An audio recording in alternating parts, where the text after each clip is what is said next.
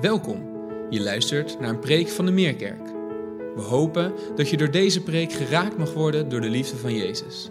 En dat je aangemoedigd mag worden om Hem samen met ons te volgen en van Zijn liefde te getuigen.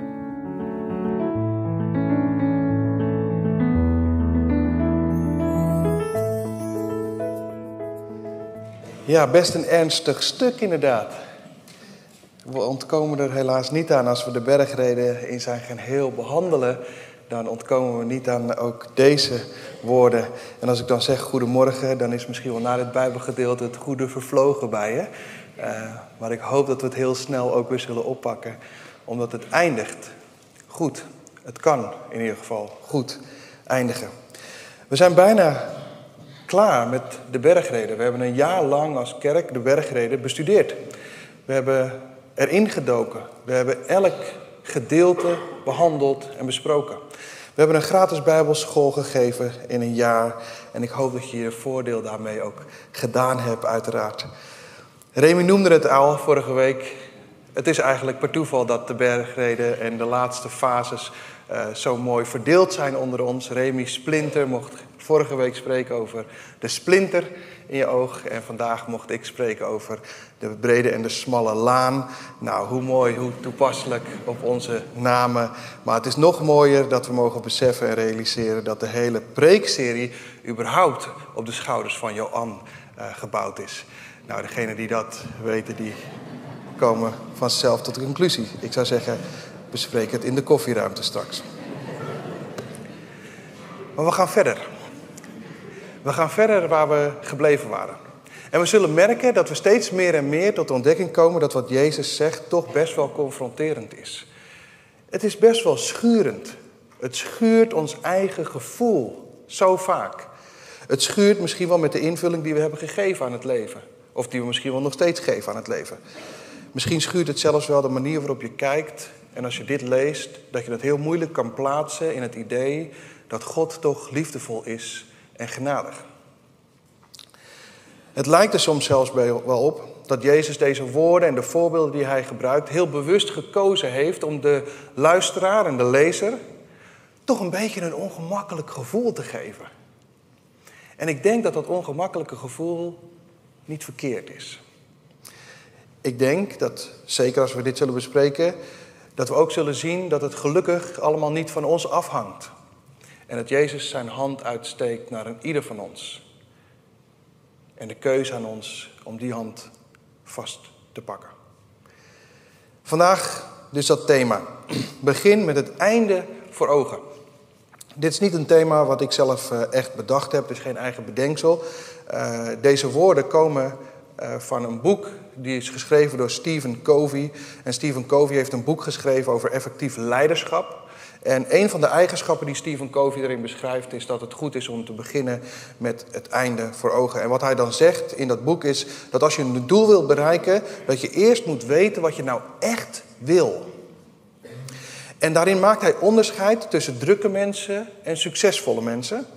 En hij zegt dan dat beide mensen een ladder beklimmen, zo omschrijft hij dat. En de drukke mensen die denken niet na en die gaan gewoon gelijk aan het werk en die beklimmen de ladder.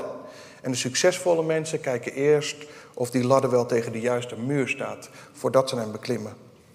En ik denk dat dat voorbeeld wat Stephen Covey geeft als het gaat om leiderschap, dat dat ook voor ons gedeelte geldt waar we het vandaag over na willen denken. Want hier in dit Bijbelgedeelte wat Johan met ons gelezen heeft, daar gaat het namelijk over twee groepen mensen. Het gaat over twee poorten. Het gaat over twee wegen. En het gaat over twee eindbestemmingen. En ik denk dat als we beginnen met onze eindbestemming voor ogen, als we na hebben gedacht wat we echt willen als eindbestemming, dan is de kans groot dat dit de keuzes die je vandaag maakt zal bepalen. Laten we dit gedeelte ook in drieën hakken. We zijn het gewend van Remy, de drie punten preek. Ik ga Remy kopiëren. We hebben drie punten. Het eerste punt is de nauwe en de ruime poort.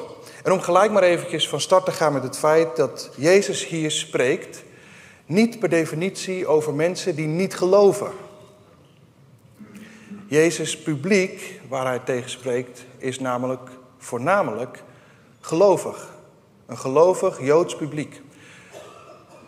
De oproep daar dus, die daar geldt en ook voor ons geldt, is dat als we kijken naar dit gedeelte, of je nu gelovig bent of niet gelovig bent, waar Jezus ons toe oproept en ieder van ons toe oproept, is om niet na te denken over dat leven van die ander. Is die ander wel voor de eeuwigheid gered, wel of niet?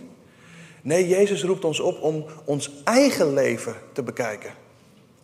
Ga jij wel in de richting van het leven? Dat is waar Jezus de luisteraar toen en de lezer nu toe oproept. Ga jij wel richting het leven? En Jezus, Jezus heeft daarin geen neutrale positie. Hij, er is geen neutrale positie in de woorden die Jezus hier geeft. Het is niet beide. Het is niet meerdere wegen die leiden naar het leven. Er zijn twee poorten, twee wegen, twee eindbestemmingen. En ook als je niet kiest, heb je gekozen.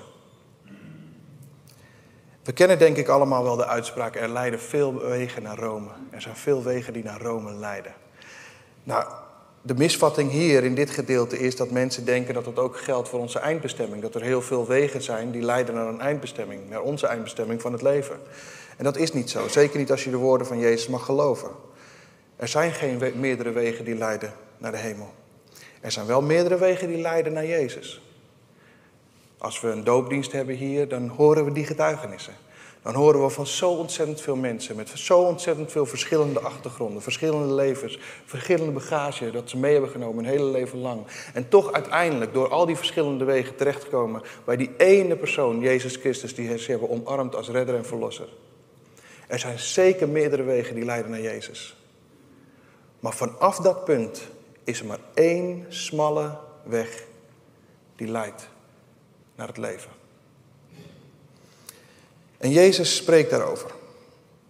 En wat ik mooi vind, is dat Jezus daarmee ook een heel bijzonder contrast schetst met alle andere religies die er zijn. Alle religies die spreken over de manier, over verschillende manieren waarop de mens in contact kan komen met God of met een hogere macht. En Jezus spreekt hier over de manier waarop God in contact wil komen met jou. En dat is het verschil. Jezus heeft de weg al gebaand. En aan ons is dan om te kiezen, om die weg te bewandelen, om die weg te omarmen en die weg in genade en geloof te gaan, vertrouwend dat Hij vasthoudt wie Hem zoeken en zal voltooien wat Zijn hand begonnen is.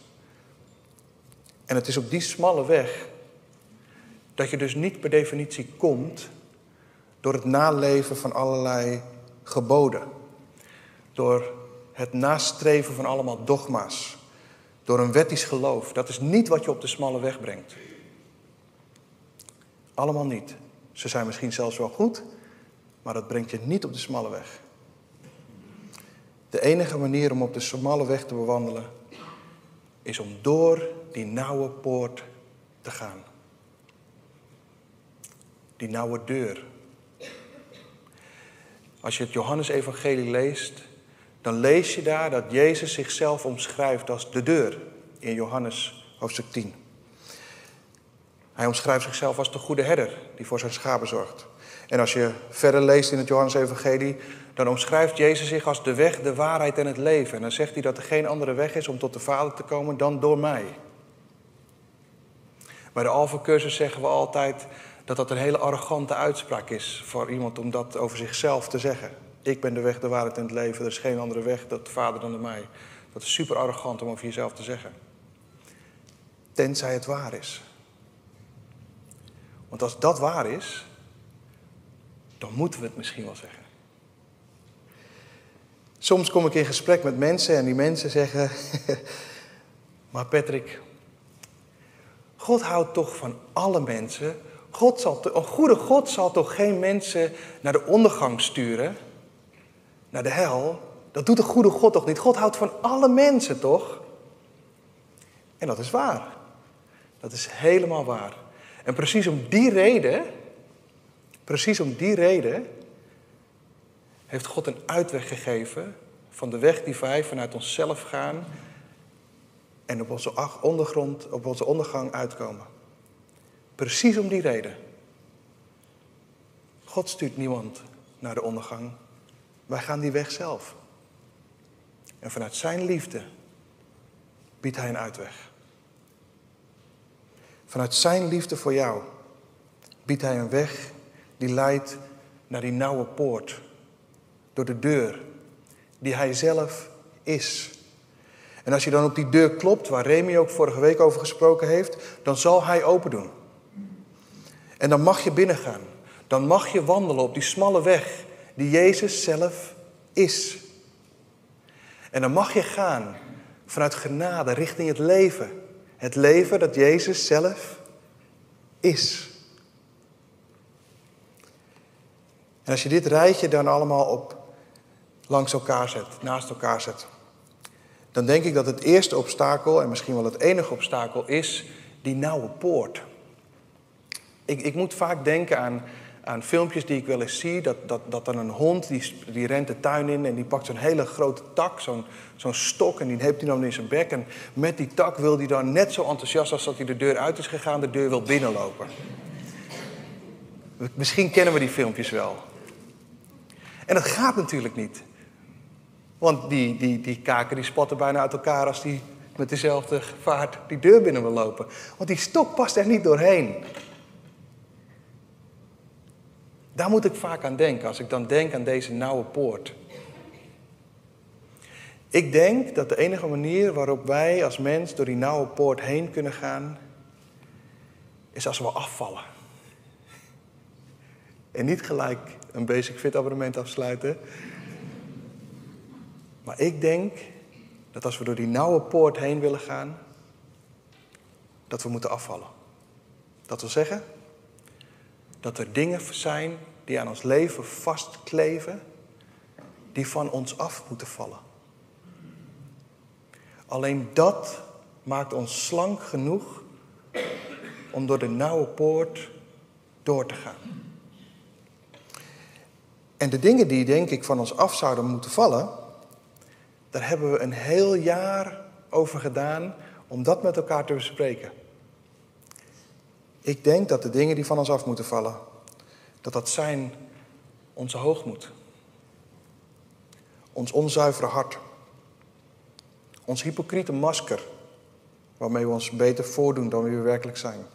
Onze ongerechtigheid, onze ego, onze moordende woorden, ons overspelige hart, onze leugens, onze wrok en wraakgevoelens, de haat die we koesteren naar onze vijanden, onze verkeerde motieven en drijfveren als het gaat om geven, als het gaat om bidden, als het gaat om vasten. Onze aardse schatten moeten we ook van afvallen. Onze zorgen, ons oordeel en de verkeerde manier waarop we anderen behandelen. Daar, van al die dingen, moeten we eerst afvallen om door de nauwe poort naar binnen te kunnen. En dan zal je zeggen, Patrick, dat is toch niet te doen? En dat klopt. Dat is niet te doen. Maar gelukkig. Gelukkig hangt dat niet van jou af. Het is Jezus die zijn hand uitstrekt naar jou en zegt: Geef het maar aan mij. Geef het maar aan mij. Leg het maar bij mij neer. Ik neem het over van jou. Dat is wat Jezus ons hier aanbiedt. Dat is wat ons slank genoeg maakt om door de nauwe poort naar binnen te gaan. En als we dan door die nauwe poort naar binnen gaan, dan begeven we ons op de smalle weg. En op die smalle weg heerst genade. Op die smalle weg heerst genade. Op die smalle weg gaan we ontdekken dat we daar iets niet krijgen wat we wel verdiend hadden, namelijk onze ondergang. En op die smalle weg ontdekken we ook dat we daar iets krijgen wat we niet verdiend hebben. Het leven. Die smalle weg, daar heerst genade. De vraag aan jou, de vraag aan mij, de vraag aan ons allemaal. Door welke poort, door welke deur ben jij binnengegaan? Welke weg bewandel jij nu, momenteel? En als jij vandaag kan beginnen met het eind voor ogen, dan bepaalt dat misschien wel de keuze die je vandaag ook kan maken. Wat wil jij dat jouw eindbestemming is? Als je dat weet, bepaalt het de keuzes die je vandaag maakt. Punt 2. Valse profeten. Jezus vertelt ons vervolgens iets over valse profeten. En hij zegt daarbij over, pas op. En dat is de allereerste keer en de enige keer dat Jezus in de hele bergreden waarschuwt van pas op. Deze woorden gebruikt hij nergens eerder in de bergreden. Pas op. We zijn gewaarschuwd. Dit is belangrijk. Let op. Pas op voor valse profeten, zegt hij. Voor de wolven in schaapskleren. Want de leugen ligt uiteindelijk dichter bij de waarheid dan we denken. En dat maakt dat we toetsen en waarschuwen in dit leven, dat dat essentieel is in het leven. Want voordat we denken, voordat we het weten, denken we dat we door die nauwe poort naar binnen zijn gegaan en ons op de smalle weg bevinden. Maar het zou zomaar kunnen zijn dat we de verkeerde poort genomen hebben en ons op de brede weg bevinden. Zo dicht ligt die leugen bij de waarheid. En hoe sluw uiteindelijk die valse profeten zijn, dat vinden we door de hele Bijbel heen. Het hele Nieuwe Testament spreekt in elk Bijbelboek over de waarschuwing voor valse profeten. En ook het Oude Testament doet dat. En ik wil toch drie voorbeelden noemen, kort, kort noemen, om in het Oude Testament te laten zien hoe dat dan in zijn werk gaat. De voorbeelden die daar genoemd worden. En als je het mooi vindt en leuk vindt om dat thuis ook een keer na te lezen, dan zou ik zeggen, lees dat thuis ook mee. En lees dan het hoofdstuk uit 1 Koningen hoofdstuk 13. In 1 Koningen hoofdstuk 13, daar wordt een verhaal omschreven van een godsman die van God de opdracht krijgt, ga niet door de stad van Bethel heen, want daar mag je niks eten en niks drinken. En dat doet hij. En vervolgens is er een oude profeet uit die stad Bethel, die naar deze godsman gaat en die zegt van ja, ja, ja, God, God, God heeft dat tegen jou gezegd. Maar een engel van de Heer heeft tegen mij gezegd dat je juist bij mij moet komen eten en drinken. En dan luistert die godsman daarnaar. Allebei hebben ze, zeggen ze, iets van God gehoord. Maar de een is waar en de ander niet. En deze godsman gaat op de uitnodiging in tegen datgene wat de Heer hem tegen, tegen hem had gezegd. En het loopt uiteindelijk voor hem niet goed af. Een tweede voorbeeld vind je in hetzelfde boek van 1 Koning, als je een paar hoofdstukken verder bladert, naar hoofdstuk 22. Daar vind je dat de koning van Israël ten strijde wil trekken om de stad Ramot weer in, in te nemen. En als die koning van Israël die stad wil innemen, dan zegt hij tegen Jozefat: haal eerst even al die profeten bij elkaar hier uit Israël. En dan komen er 400 profeten. 400 profeten. Die komen dan naar die koning toe. En dan vraagt die koning, vertel, wat heeft, wat heeft, wat heeft de Heer gezegd?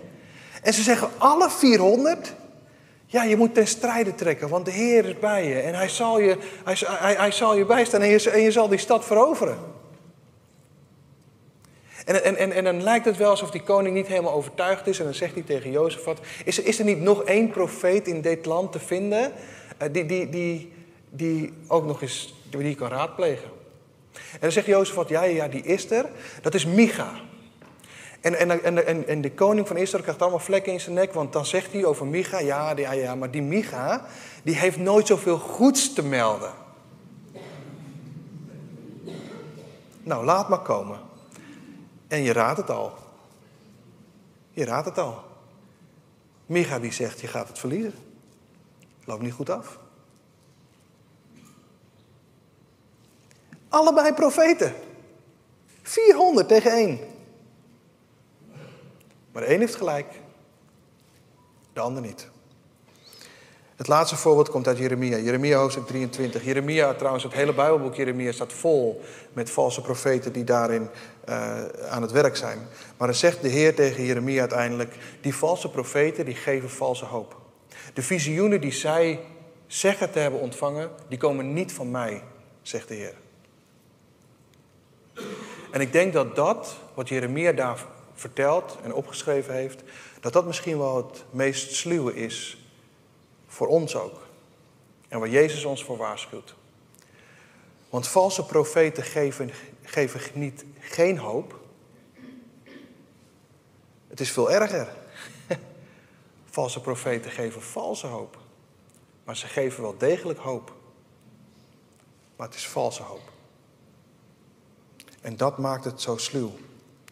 En dan komen we toch weer terug bij datgene wat we vorige week gehoord hebben.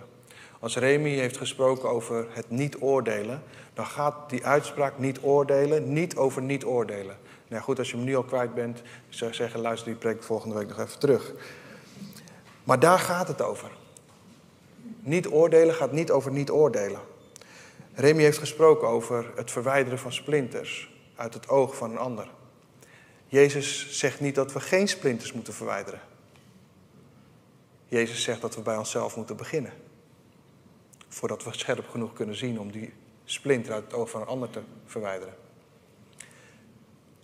Als je de Bijbel verder leest, dan merk je zelfs dat de gave van de geest, een van de gaven van de Heilige Geest die in ons woont, is onderscheidingsvermogen. Datgene wat van de geest afkomstig is en wat niet.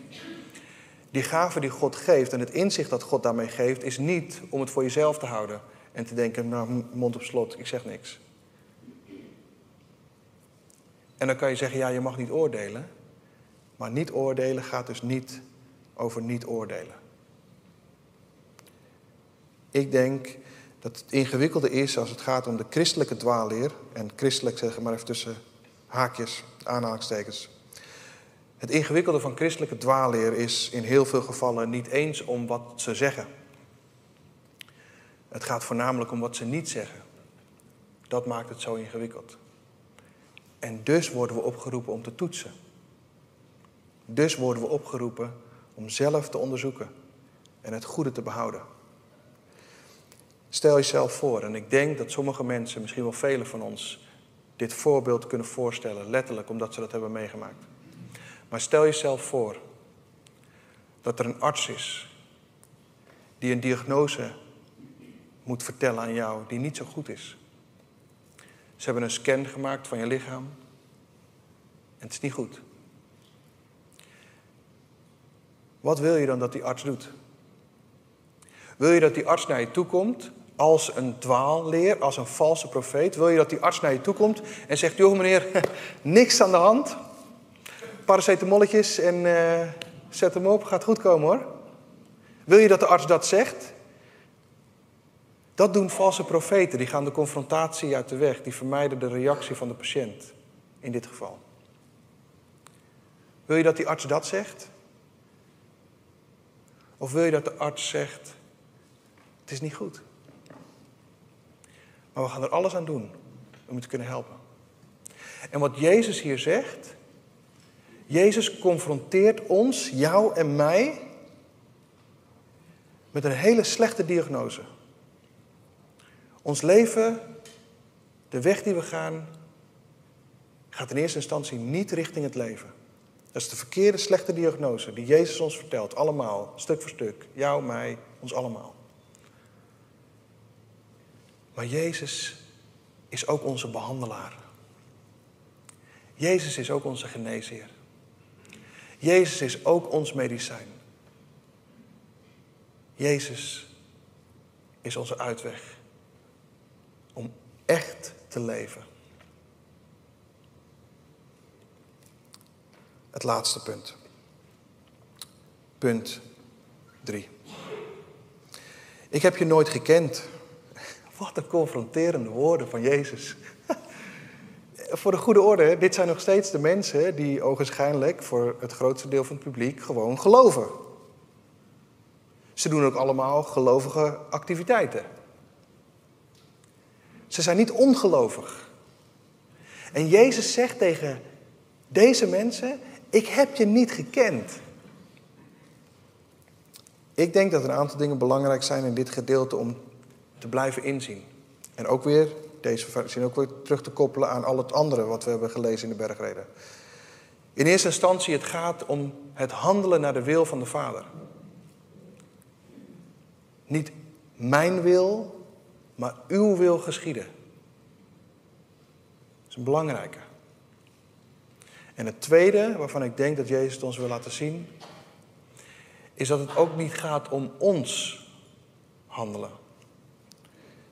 Door de hele bergreden heen klinkt de oproep om afstand te doen van onszelf.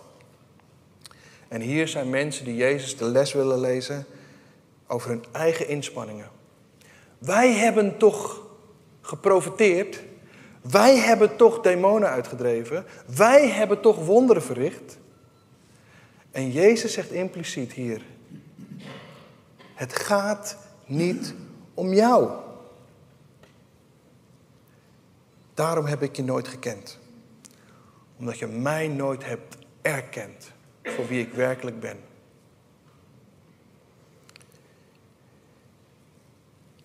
Er is een uh, oud theoloog en opwekkingsprediker, Jonathan Edwards, die dit mooi samenvat. En daar wil ik mee afsluiten.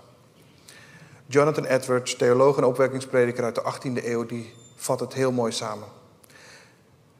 Hij zegt over de bijzondere gaven als profeteren en het uitdrijven van demonen en het verrichten van wonderen, onder andere. Hij zegt dat het, de hart en, dat het het hart en de ziel van de mens niet op een manier veranderen zoals heiligheid dat doet. Dus je kan al deze bijzondere gaven hebben, maar het verandert je hart en je ziel niet op de manier zoals heiligheid dat doet. En dan zegt hij, zoals, zoals bijzondere juwelen een lichaam misschien wel aantrekkelijk laten lijken, maar het lichaam zelf niet veranderen.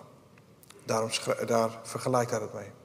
En dan zegt hij, de gaven van de geest en in het bijzonder de opvallende wonderen worden vaak aan christenen gegeven. Maar dat is niet altijd zo. Want, zegt hij, het is niet zo'n wonder voor de geest om iemand wonderen te laten doen. Maar wat wel een goddelijk wonder is, is om iemands hart te veranderen, zodat het steeds meer begint te lijken op het hart van God. Ik denk dat het daar door de hele bergreden heen Jezus om te doen is. Dat ons hart steeds meer gaat lijken op het hart van God. Ik wil de band alvast naar voren vragen om zich te installeren voor het liederen die we straks zullen gaan zingen. Volgende week zullen we verder gaan met de bergreden en dan is de bergreden afgerond. Dan mag ik jullie meenemen volgende week ook in alle woorden die we tot nu toe hebben gehoord. En dan sluiten we de bergreden af met de climax. Want als we al deze woorden van de bergreden gehoord hebben, hebben bestudeerd, hebben overdacht, wat doen we hier vervolgens dan mee? Nu we alles, nu we alles van onszelf hebben afgebroken, op welk fundament besluiten wij dan om ons geestelijk huis te bouwen? Nou, daar gaan we volgende week samen weer met elkaar over nadenken. Maar laten we voor nu, alles wat we nu hebben gehoord, laten we daar ook nu voor bidden, voor ons eigen hart en ziel. Ja, Heer, het is zo waar wat Johan zei. Het is een pittig gedeelte. Het is confronterend. En misschien de woorden die u meegegeven heeft, doen ons misschien ook wel een beetje ongemakkelijk voelen. Maar tegelijkertijd mogen we weten dat dat echte liefde is. Liefde is niet conflictvermijdend. Liefde gaat het conflict aan en zoekt de oplossing, zoekt de oplossing in liefde, wat het beste is voor die ander. Echte liefde heeft het geluk van die ander voor ogen. En dat is wat u meegeeft, door de hele bergreden heen. Heer, we hebben ontdekt door de hele bergreden heen dat we het zelf allemaal niet kunnen. En we zijn u dankbaar, Heer, dat u dat ook niet van onszelf vraagt. U legt de lat zo hoog en het enige wat het met ons doet, is dat het ons afhankelijk maakt van uw liefde, van uw genade, van uw redding, van uw hand die naar ons uitgestoken is en die wij vanuit een wilsbesluit, vanuit een keuze mogen vastpakken. Wij die dan alles mogen loslaten wat aan ons vastkleeft, Wat we meenemen, wat we meedragen al ons hele leven lang. Wat ons te groot maakt om door die nauwe poort te passen. We mogen het allemaal in uw handen leggen, Heer. En ik wil moment stil worden. Om aan ieder van ons de gelegenheid te geven om dat te doen. Want we staan voor die nauwe poort, voor die deur. U die de deur zelf bent. We staan ervoor. Neemt u in deze momenten van stilte alles van ons over. Wat er aan ons leven vastkleeft. Wat er aan ons leven hangt. En wat we al die jaren al meesleuren. Neemt u dat in deze momenten van stilte van ons over.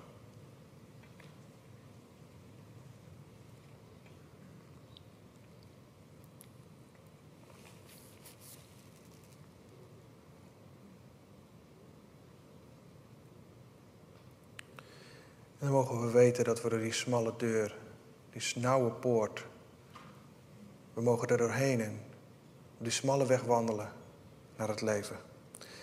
Omdat we weten dat er ooit een dag komt, Heer, dat dit aardse leven stopt. En dat wij dit aardse leven zullen verlaten. Er komt een dag dat u terugkomt. En in beide gevallen weten we niet wanneer dit zal zijn. Maar tot aan die dag, Heer. Tot aan die dag willen we weten wie u bent willen we leven zo dicht bij u. Willen we ons leven geven in aanbidding. Tot aan die dag, Heer, willen we horen wat u zegt.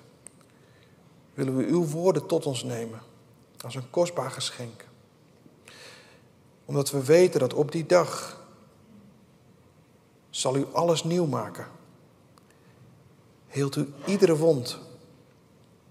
Op die dag zal de oude wereld zoals we die kennen vernieuwd worden.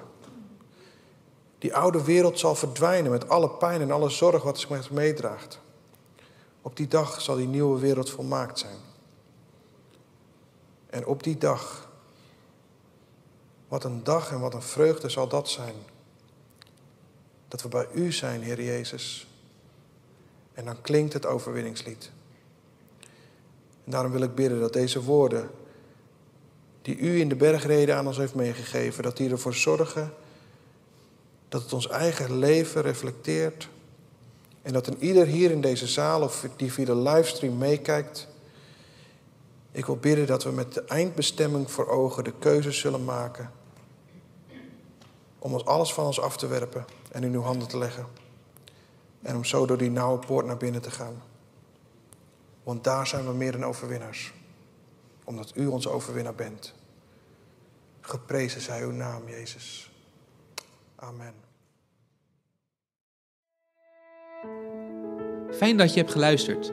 Voor meer informatie ga naar www.meerkerk.nl.